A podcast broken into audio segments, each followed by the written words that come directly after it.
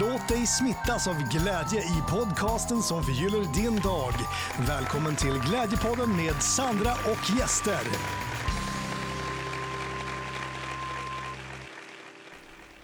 I det här avsnittet ska du få inspireras av författaren, föreläsaren och inspiratören PG Wettsjö. Men innan vi lämnar över till PGs inspiration, så om du är inspirerad till ett hälsosamt liv så kan jag rekommendera Glimja som är ett e-handelsföretag inom hälsokost och som bara erbjuder de absolut renaste produkterna. Och där får du som lyssnar också med koden Glädjepodden med stora bokstäver 15% rabatt på ditt nästa köp. Det här hittar du i poddbeskrivningen och på Glimja så hittar du allt ifrån skönhetsprodukter som är utan konstiga tillsatser till leksaker som är utan konstiga tillsatser eller ämnen eller gifter eller vad man nu kan ha för något konstigt i leksaker, men jag tror du fattar. Men också till kosttillskott och eh, till exempel torkad frukt och honung och sådana där produkter. Så gå jättegärna in och eh, kika där. Och är det så att du vill komma i kontakt med mig så hittar du också mina kontaktuppgifter i poddbeskrivningen. Vill du inspireras i ditt eget liv så lägger jag en länk till glädjekonsultationer med mig också i poddbeskrivningen.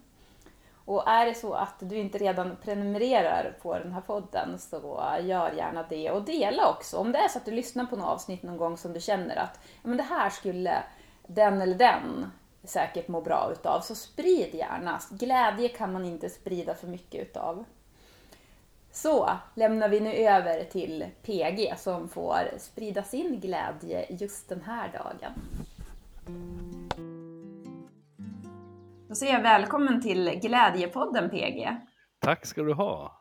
Vi brukar inleda den här podden med att kolla med, här, dagsläget med gästen mm. genom då frågan vad skulle du vara för emoji just nu om du var en emoji?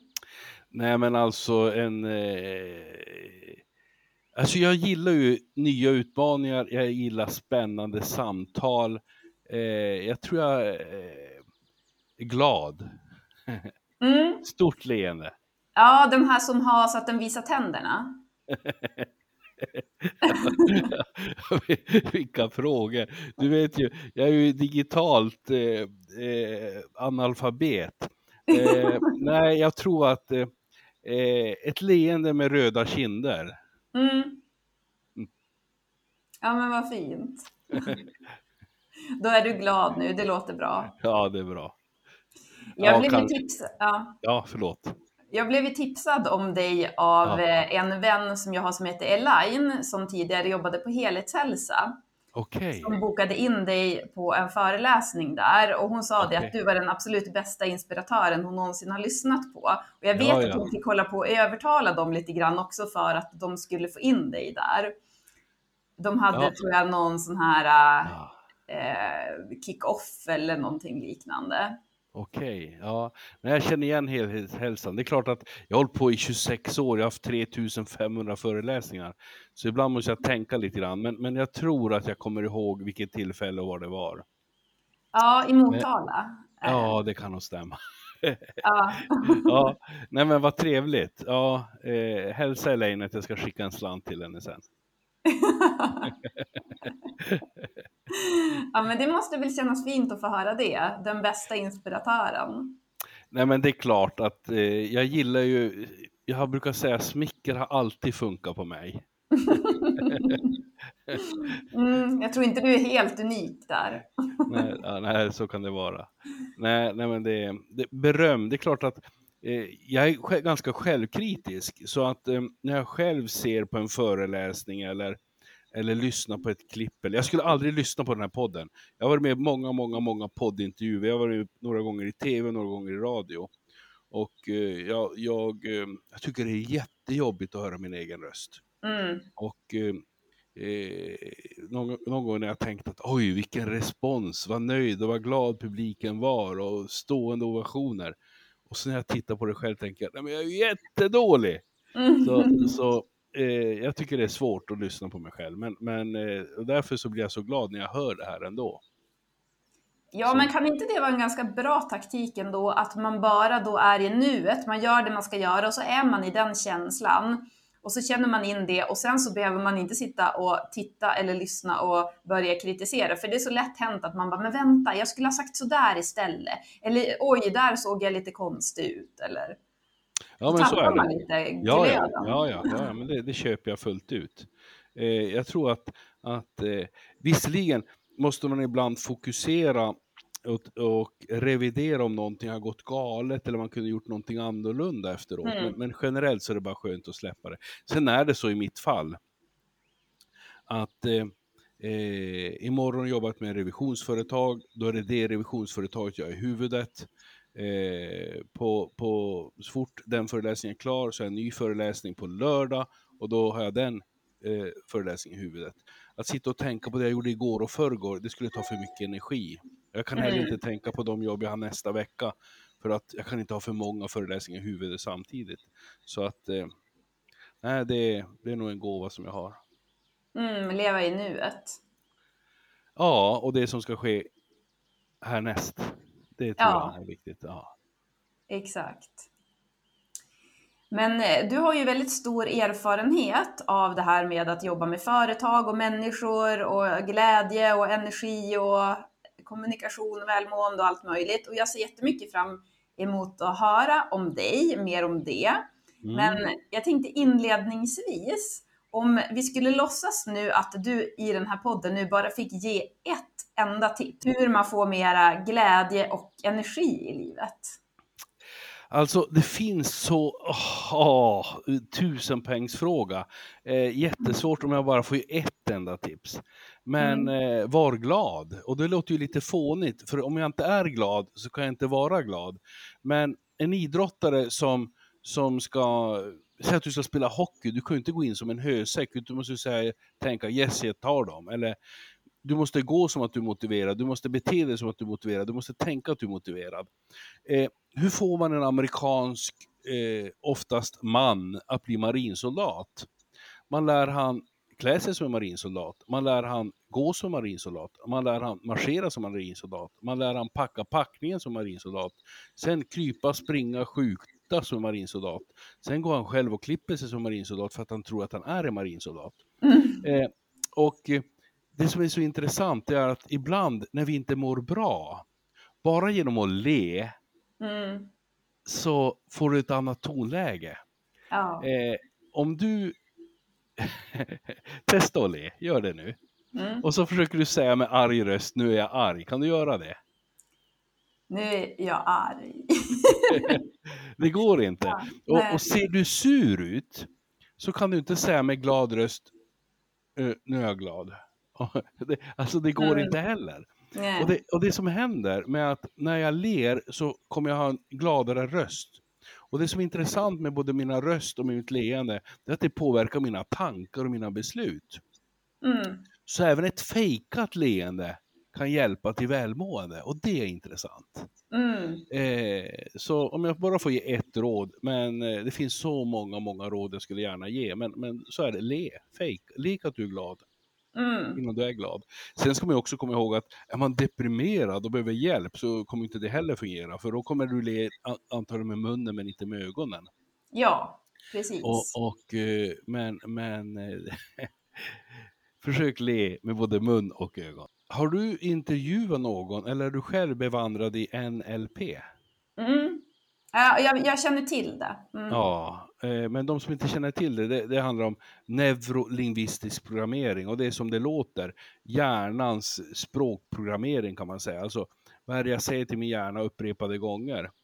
Eh, och det här är också så intressant för att dels vad jag själv säger, det jag säger till dig nu Sandra, som du kanske, om vi kommer prata mer fler gånger, kommer du säga, men förra gången sa du så här att du, du PG, du har svårt att stiga upp på morgonen, eller vad det nu är. Mm. Och till slut så säger inte bara jag det till mig, utan min omgivning börjar också säga det till mig. Om, om, jag, om jag går ut nu och så kommer eh, grannen och säger, eller vi säger så här, Sandra, om du går ut på stan och så kommer eh, någon och säger, vet du vad, vad vacker du är. Då skulle du tänka, vad är det där för typ? eh, är han onykter eller, eller äter han medicin? Sen kommer en till och säger vad vacker du är. Då tänker man två på samma dag, det här måste vara en komplott. Sen kommer någon och säger vad vacker du är. Då säger ja, kanske lite. Och när man hör det fjär, fjär, femte gången säger man, ja, säg något som jag inte vet. Alltså, vad är det jag säger till min hjärna? Och det här är ju inte bara vacker eller, eller stark eller kunnig. Vad har min omgivning sagt till mig och vad har jag sagt till min egen hjärna? Mm, exakt. Jo, för det blir ju så mycket, alltså hur mycket man skapar själv då, för då har man då kanske fått höra någonting från när man var liten, att man inte är duglig på något sätt, och så har man tagit in det, och så blir det som att då, det är då man ser det här, jaha okej, vad tänker den här personen om mig nu? Sitter han hånler här nu till mig, eller? Jag har en kompis som, eh, ja man kan säga ungdomsvän, som eh, fick höra hela sitt liv att eh, hans bror hade läshuvud, men det hade inte han. Mm. Ja, men det är typiskt sånt. Ja. Mm. Och han, han läste på till eh, eh, snickare. Han gick trä, eller om han blev inredningssnickare, ja men det spelar ingen roll. Och så fick han träallergi. I, Mm. han var gift och hade barn och, och kunde inte jobba kvar med trä. Och det gjorde att han var tvungen att utbilda om sig, så han läste in gymnasium. Han tyckte det gick så bra så han läste in på universitet. Han började jobba på ett läkemedelsföretag. Han eh, blev chef på läkemedelsföretaget. Han blev ansvarig för delar av Europa.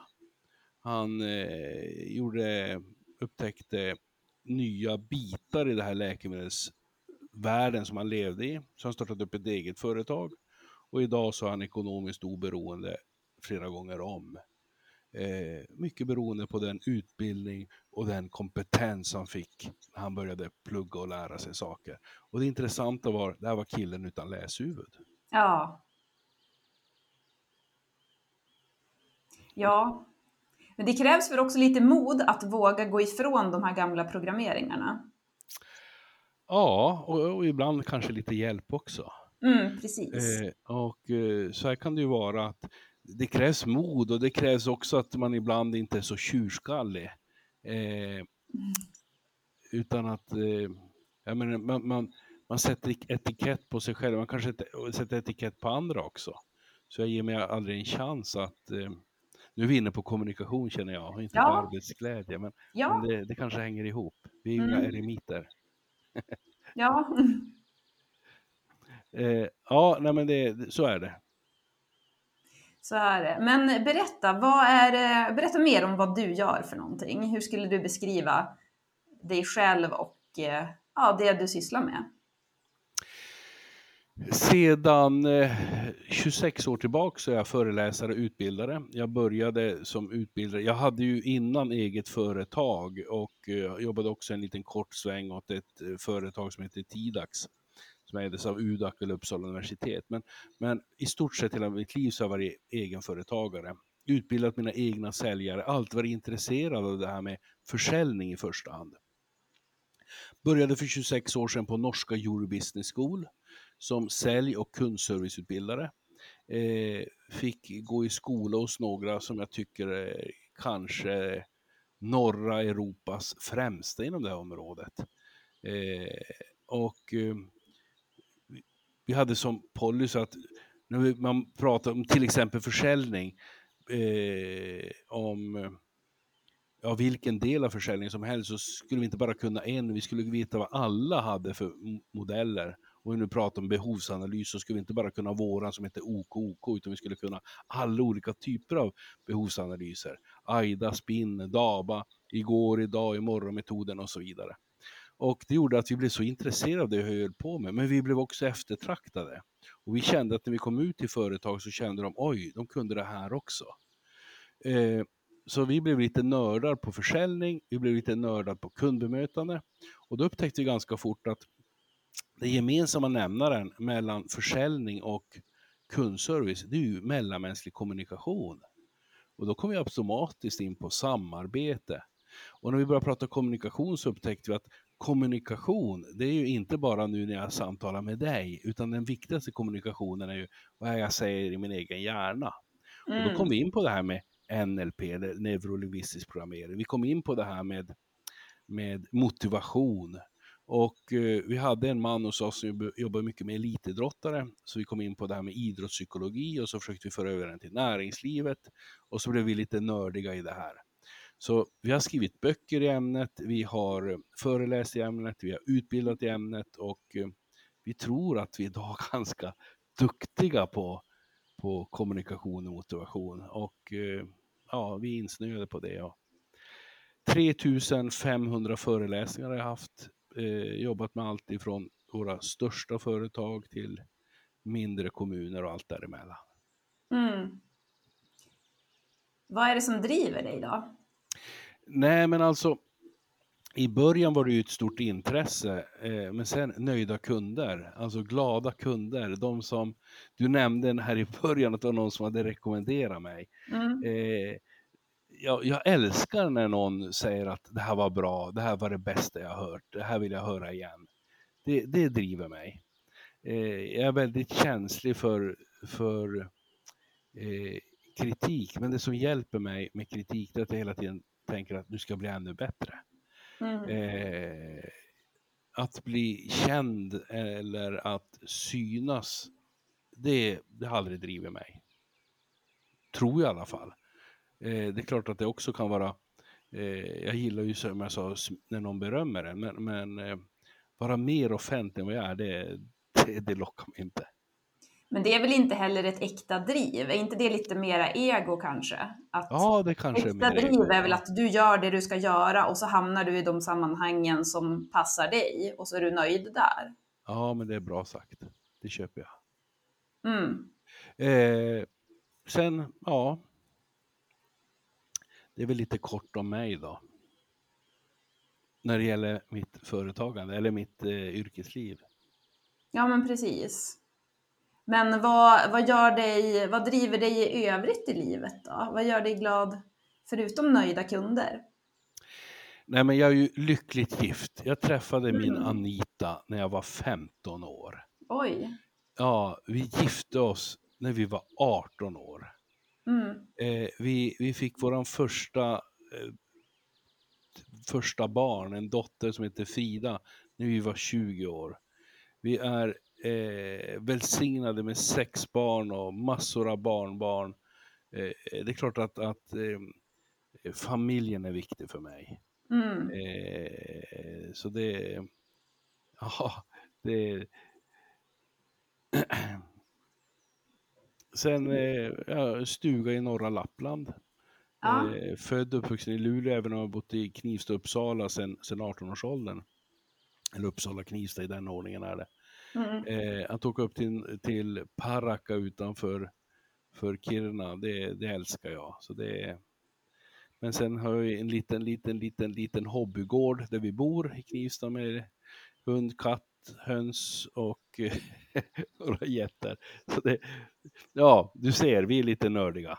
Mm. Mm. Men jag såg ju lite av din bakgrund där. Ja. Ute på gården, det såg väldigt mysigt ut. Jaha, okej. Okay. Ja, just det. Mm. Ja, så, det, så är det. Mm. Ja, men eh, jag tycker det är intressant det här att du håller på med, med eh, ja, inte minst det här med arbetsglädjen. Jag har ju ett arrangemang i Umeå som heter Umeås gladaste företagare, där vi ja, utser ja. varje år eh, årets gladaste chef och årets gladaste medarbetare. Och det låter ju väldigt så här klämkäckt när man säger gladaste och det handlar ju om då ändå lite djupare glädje än bara du förstår den typen av ja, absolut. och ha roligt i glädjen. Ja, ja. Eh, men vad skulle du säga att sådana här personer som sprider glädje och positiv energi betyder på arbetsplatser? Du som nu har varit ute och jobbat väldigt mycket med olika företag. Jag tror det betyder jättemycket och jag tror att det spelar ingen roll om det är en arbetsplats eller vägföreningsmöte eller, eller brygg, eh, båtklubben eller, eller släktträffen eller julbordet. Jag tror att glada människor, de påverkar andra. Eh, och det här gäller ju i det här lilla hemmet också. Har vi någon där hemma och smitta? Om jag kommer hem och är glad och positiv, det är klart jag påverkar dem där hemma. Om jag kommer mm. hem och är sur och negativ, det är klart jag påverkar dem hemma. Ibland ser man lite slarvigt på arbetsplatser att hos oss sitter i väggarna. Och då brukar jag säga, men då är det ju bara att måla om. Men, men, mm. men, men det är ju inte där det sitter, utan det sitter i människor. Och Ja. eh, jag tror vi alla har varit med någon gång då någon har kommit in i ett fikarum eller vid någon tillställning och vi känner att stämningen höjs. Mm. Och jag tror vi alla varit med någon gång då någon kommer in i ett rum och vi känner att stämningen sjunker. Och det visar ju att vi påverkar andra och andra påverkar oss. Mm. Och när det gäller det här med leende, det finns ju så många olika typer av forskningsundersökningar att, att leende smittar. Vi älskar glada leenden, leende påverkar oss själva. Eh, ser vi någon annan som ler så ler vi lätt, le, le, får vi själv ofta ett leende och så vidare. Mm. Så det, jag tror det är jätteviktigt och jag tycker det är jättebra att du lyfter upp och synliggör det här. För att jag tror inte vi kan bli påminda tillräckligt många gånger att det här påverkar välmående. Ja, men och sen också att man ser det på det sättet så att det inte bara är just det här man tänker att någon kommer in och lyfter ett rum som du säger, att det inte behöver vara den som kommer in och drar värsta skämtet. Utan på tal om det här med forskning så har jag också läst att energier smittar. Så att Mm. bara genom att jag själv är glad och mår bra Mm. så smittar det också automatiskt andra. För vissa människor är ju mera blyga och tillbakadragna och vissa mer utåtagerande. Och jag kunde själv känna när jag gick i skolan att man tänkte som att det är de som är clownen, det är de som är de roliga, det är de som är de uppskattade. Mm. Men det är ju inte sant, utan det är ju eh, alltså det här med som sagt en välmående energi. Det är det som Ja. Ja men det är sant och det, det är jätteviktigt och där får man ju lära sig kan man kanske med tiden att, att den här clownen som kanske inte alla clowner, men en del och kanske lite mer hos oss män än, än eh, eller pojkar i skolan än flickor, att vi gärna blir rolig på någon annans bekostnad. Mm. Och eh, 80% skrattar, eh, eller s- 70% skrattar, eller kanske 40% skrattar på riktigt.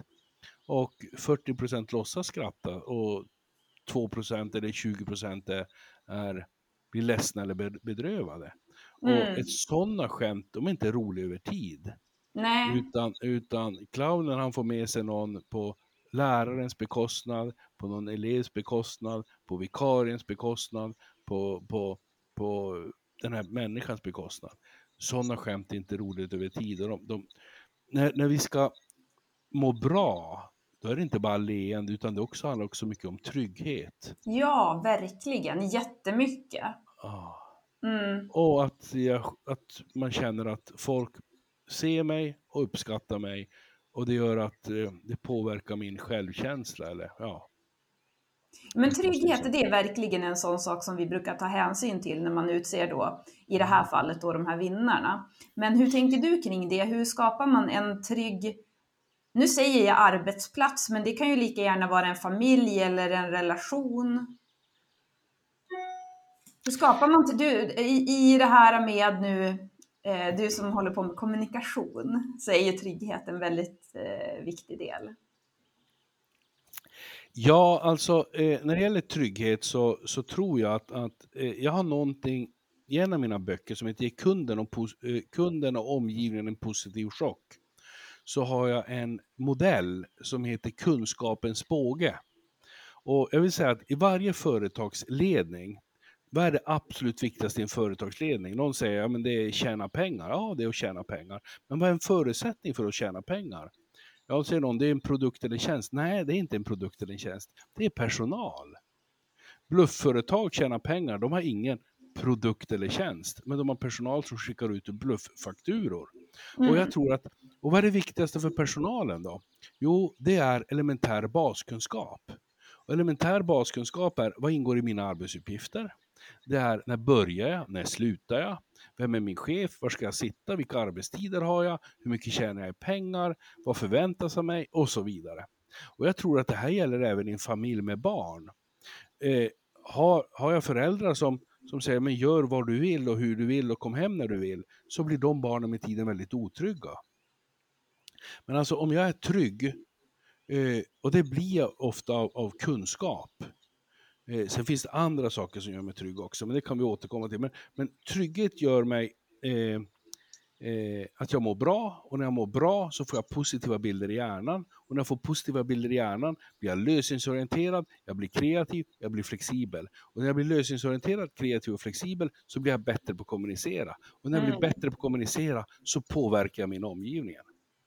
Eh, är det tvärtom så att jag är otrygg, eller säg att jag har okunskap, jag vet inte vad som förväntas av mig. Jag vet inte vad jag ska göra på jobbet. Jag vet inte om jag får jobba kvar. Jag vet inte vem som är min chef. Jag vet inte hur budgeten ser ut. Jag vet egentligen inte ens när jag ska börja och sluta. Jag vet inte vad, vad de tycker om mitt jobb. Det betyder att jag blir otrygg. Och när jag Mm. blir otrygg, pratar jag för fort? Nej, kör Eh, när jag blir otrygg eh, så mår jag sämre. Och när jag mår sämre, då får jag negativa bilder i hjärnan. Och när jag får negativa bilder i hjärnan, då blir jag problemorienterad. Jag blir passiv och jag blir oflexibel.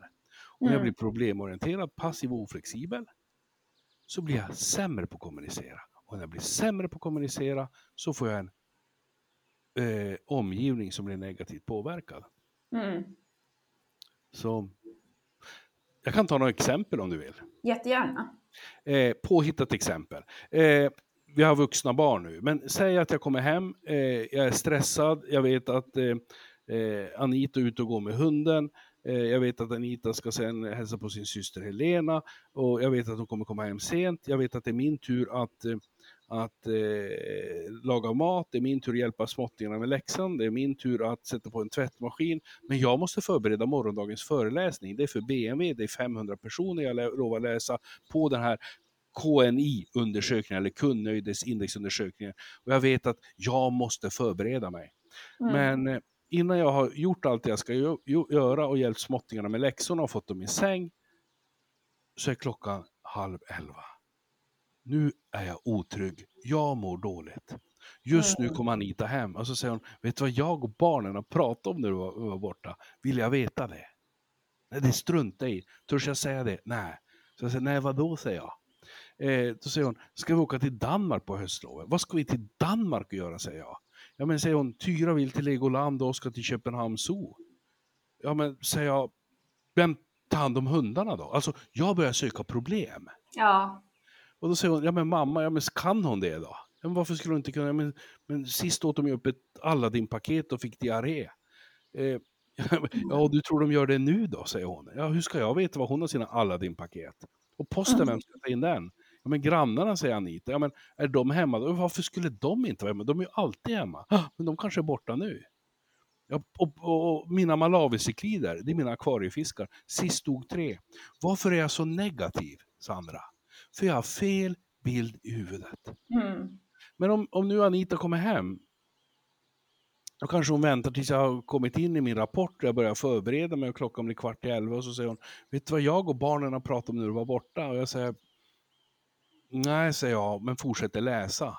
Så hon, Oskar vill till, till Legoland och, och Tyra till Köpenhamn Zoo.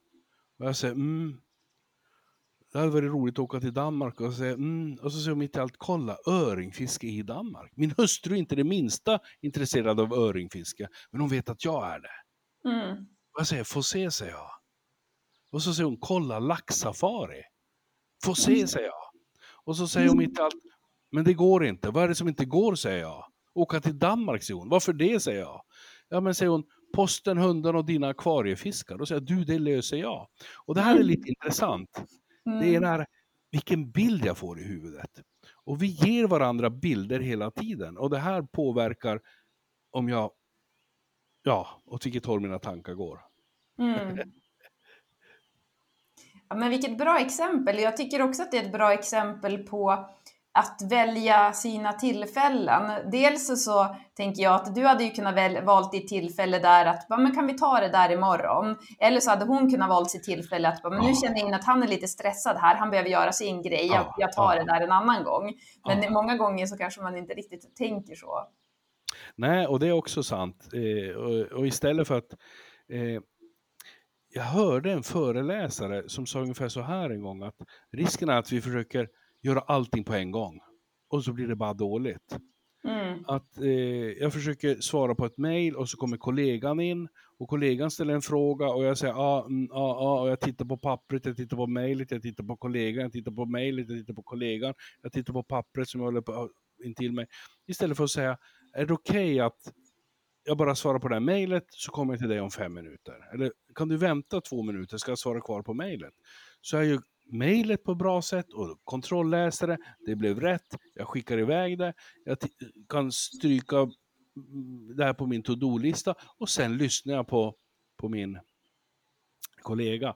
Det här är ett problem som jag har haft, för jag har varit jättedålig och är periodvis jättedålig på det här. Jag har en mm. hustru som är helt fantastisk, men jag jobbar på det. Ja. Ja, vilka bra exempel. Trygghet är ju verkligen en jätteviktig del i alla former av ja, men relationer. Absolut, och välmående. Mm. Och välmående, verkligen.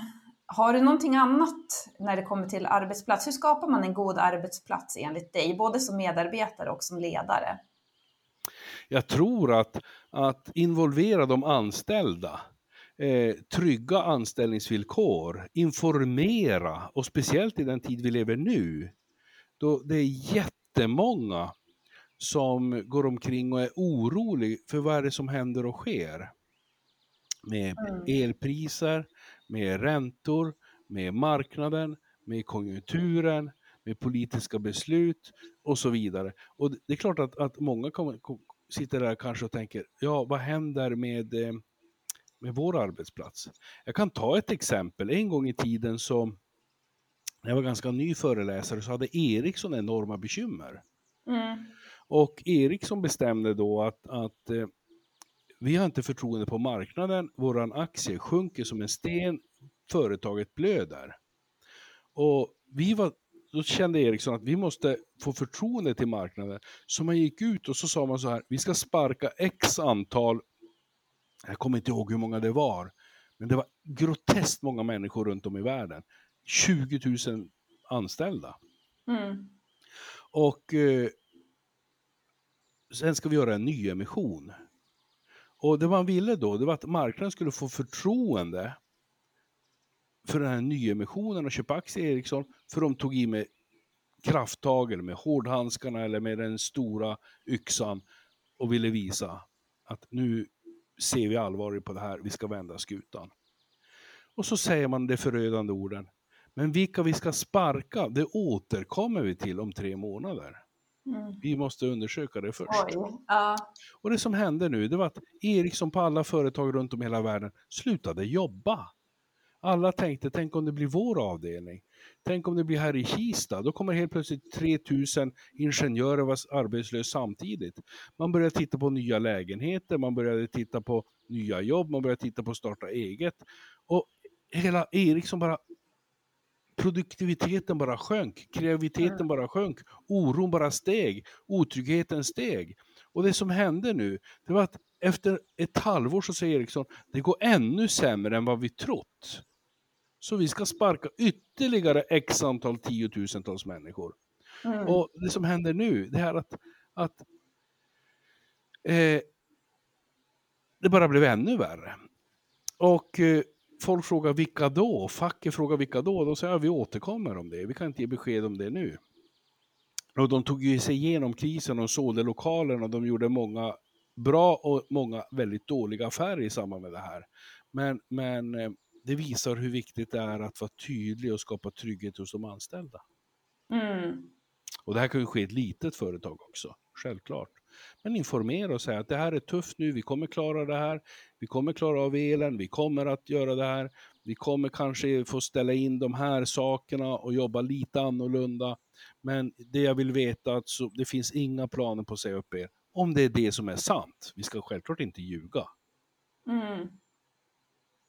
Ja, men precis. Och kanske också, för jag tyckte det var fint det där du inledde med att involvera medarbetarna, att de får känna att de får vara delaktiga och kanske till och med där också vara delaktig i lösningen. Absolut. Många gånger så är det kanske de som sitter på den stora lösningen ja. och man bara tar vara på kompetensen som finns i företaget. Mm. Vi ska börja avrunda tänker jag och då tänker jag att vi avrundar eh, med glädje. Ja, vad bra. Och eh, då tänker jag så här, bara en lite rolig fråga, men om du nu i eftermiddag skulle få göra precis vad som helst i hela världen, det finns som inga begränsningar, du kunde åka till en annan galax om du fick göra det. Vad skulle du göra då den här eftermiddagen?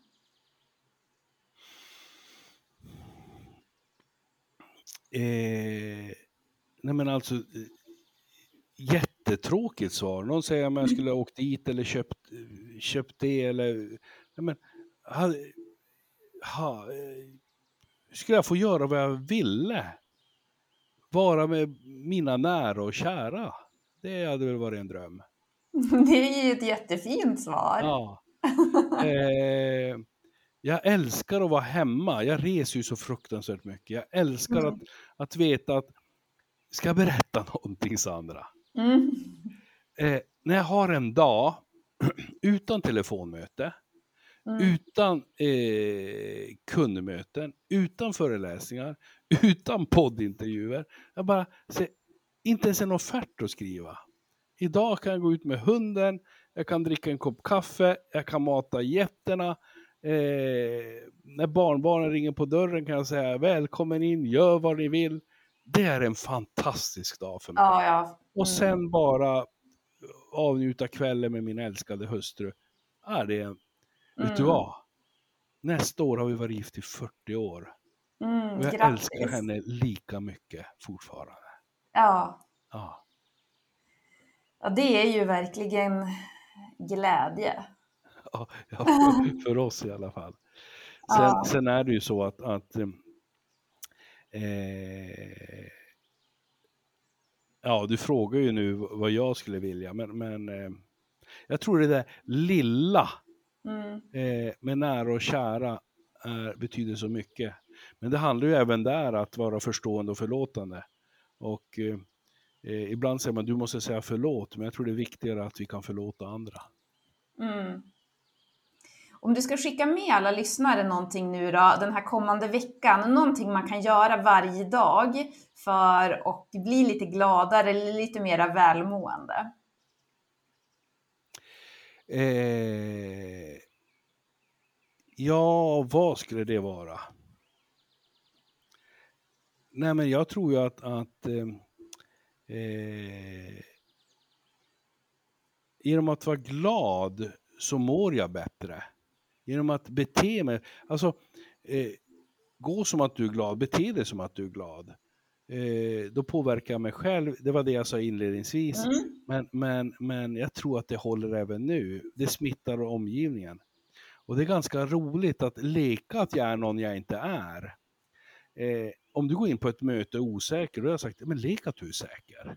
Mm. Om, om, om du är rädd att ja, men, jag pratar för lågt, ja men lek att du kan prata högt. Mm.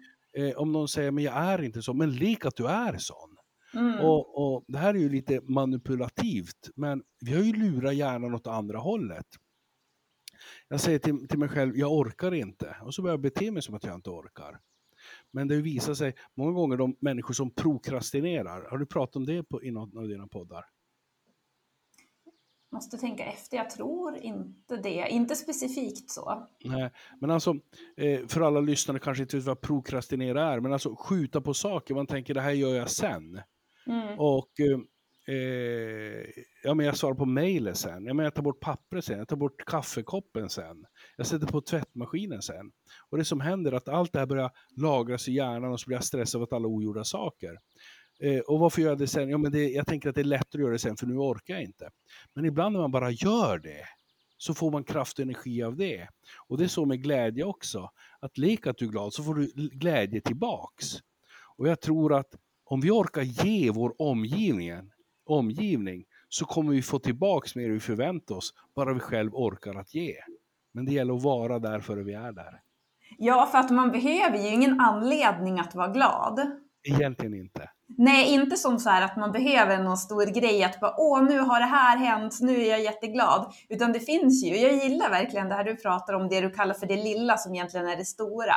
Men ja. Eh, sådana saker, att eh, det finns ju som grejer hela tiden som man har att vara glad över. Så är det. Mm.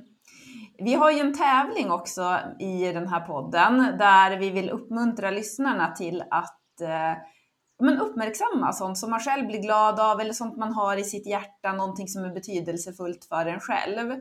Mm. Och det här får man dela då via Glädjepoddens vänner på Facebook som är då en grupp eller så kan man dela det via, om man vill dela det via Instagram, hashtagga glädjepodden så ser jag det. Eller om man vill mejla mig så kan man vara med och vinna vitaminer från vitaminer.nu. Och då har vi en, några häftiga vitaminer faktiskt som heter rofylld som vi lottar ut som gör att man får en bättre sömn. Om det nu är så som i dina exempel att man går och lägger sig klockan fyra verkligen behöver sova och känner den där stressen, då kan man ta en rofylld och så kan man känna då att ja, men jag, ja. Eh, ja, jag, eh, nu somnar jag. Får man lura sig själv att det Ja, vad bra. Bättre än kaffe i alla fall. ja, men precis. Verkligen, ja. den tiden. Och sen får alla lyssnare också 15% rabatt på vitaminer.nu med koden GLAD, stora bokstäver 15 som man hittar i poddbeskrivningen. Ah, vad coolt. Ja. Har du, vi lägger din hemsida tänker jag också i poddbeskrivningen. Ja. Jag tänker att eh, om det är någon som är intresserad av att eh, boka in världens bästa inspiratör. ja, på den nivån är jag inte, men, men eh, jag hoppas att de blir nöjda i alla fall. Eh, www.eqp.se mm. mm. Precis, det hittar man i poddbeskrivningen. Ja, okej. Okay. Har du någonting annat som du vill tillägga nu innan vi tar? Nej, då? jättetrevligt samtal, trevliga, ja. bra frågor. Vi skulle kunna hålla på länge. Jag brinner ju för det här och det finns så många sidor av det här och det är klart att, att säkert någon som tänker den här sidan skulle behövs också komma upp, men, men eh, det tillåter ju inte tiden. Men eh, jag tror att det här är någonting som berör oss alla, som vi alla har nytta av. Det påverkar oss själva, men det påverkar också vår omgivning. Mm.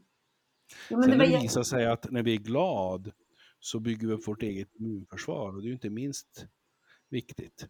När vi mår dåligt så är det bevisat att mår man dåligt under lång tid så får det en del följdsjukdomar och vi får mm. ett immunförsvar.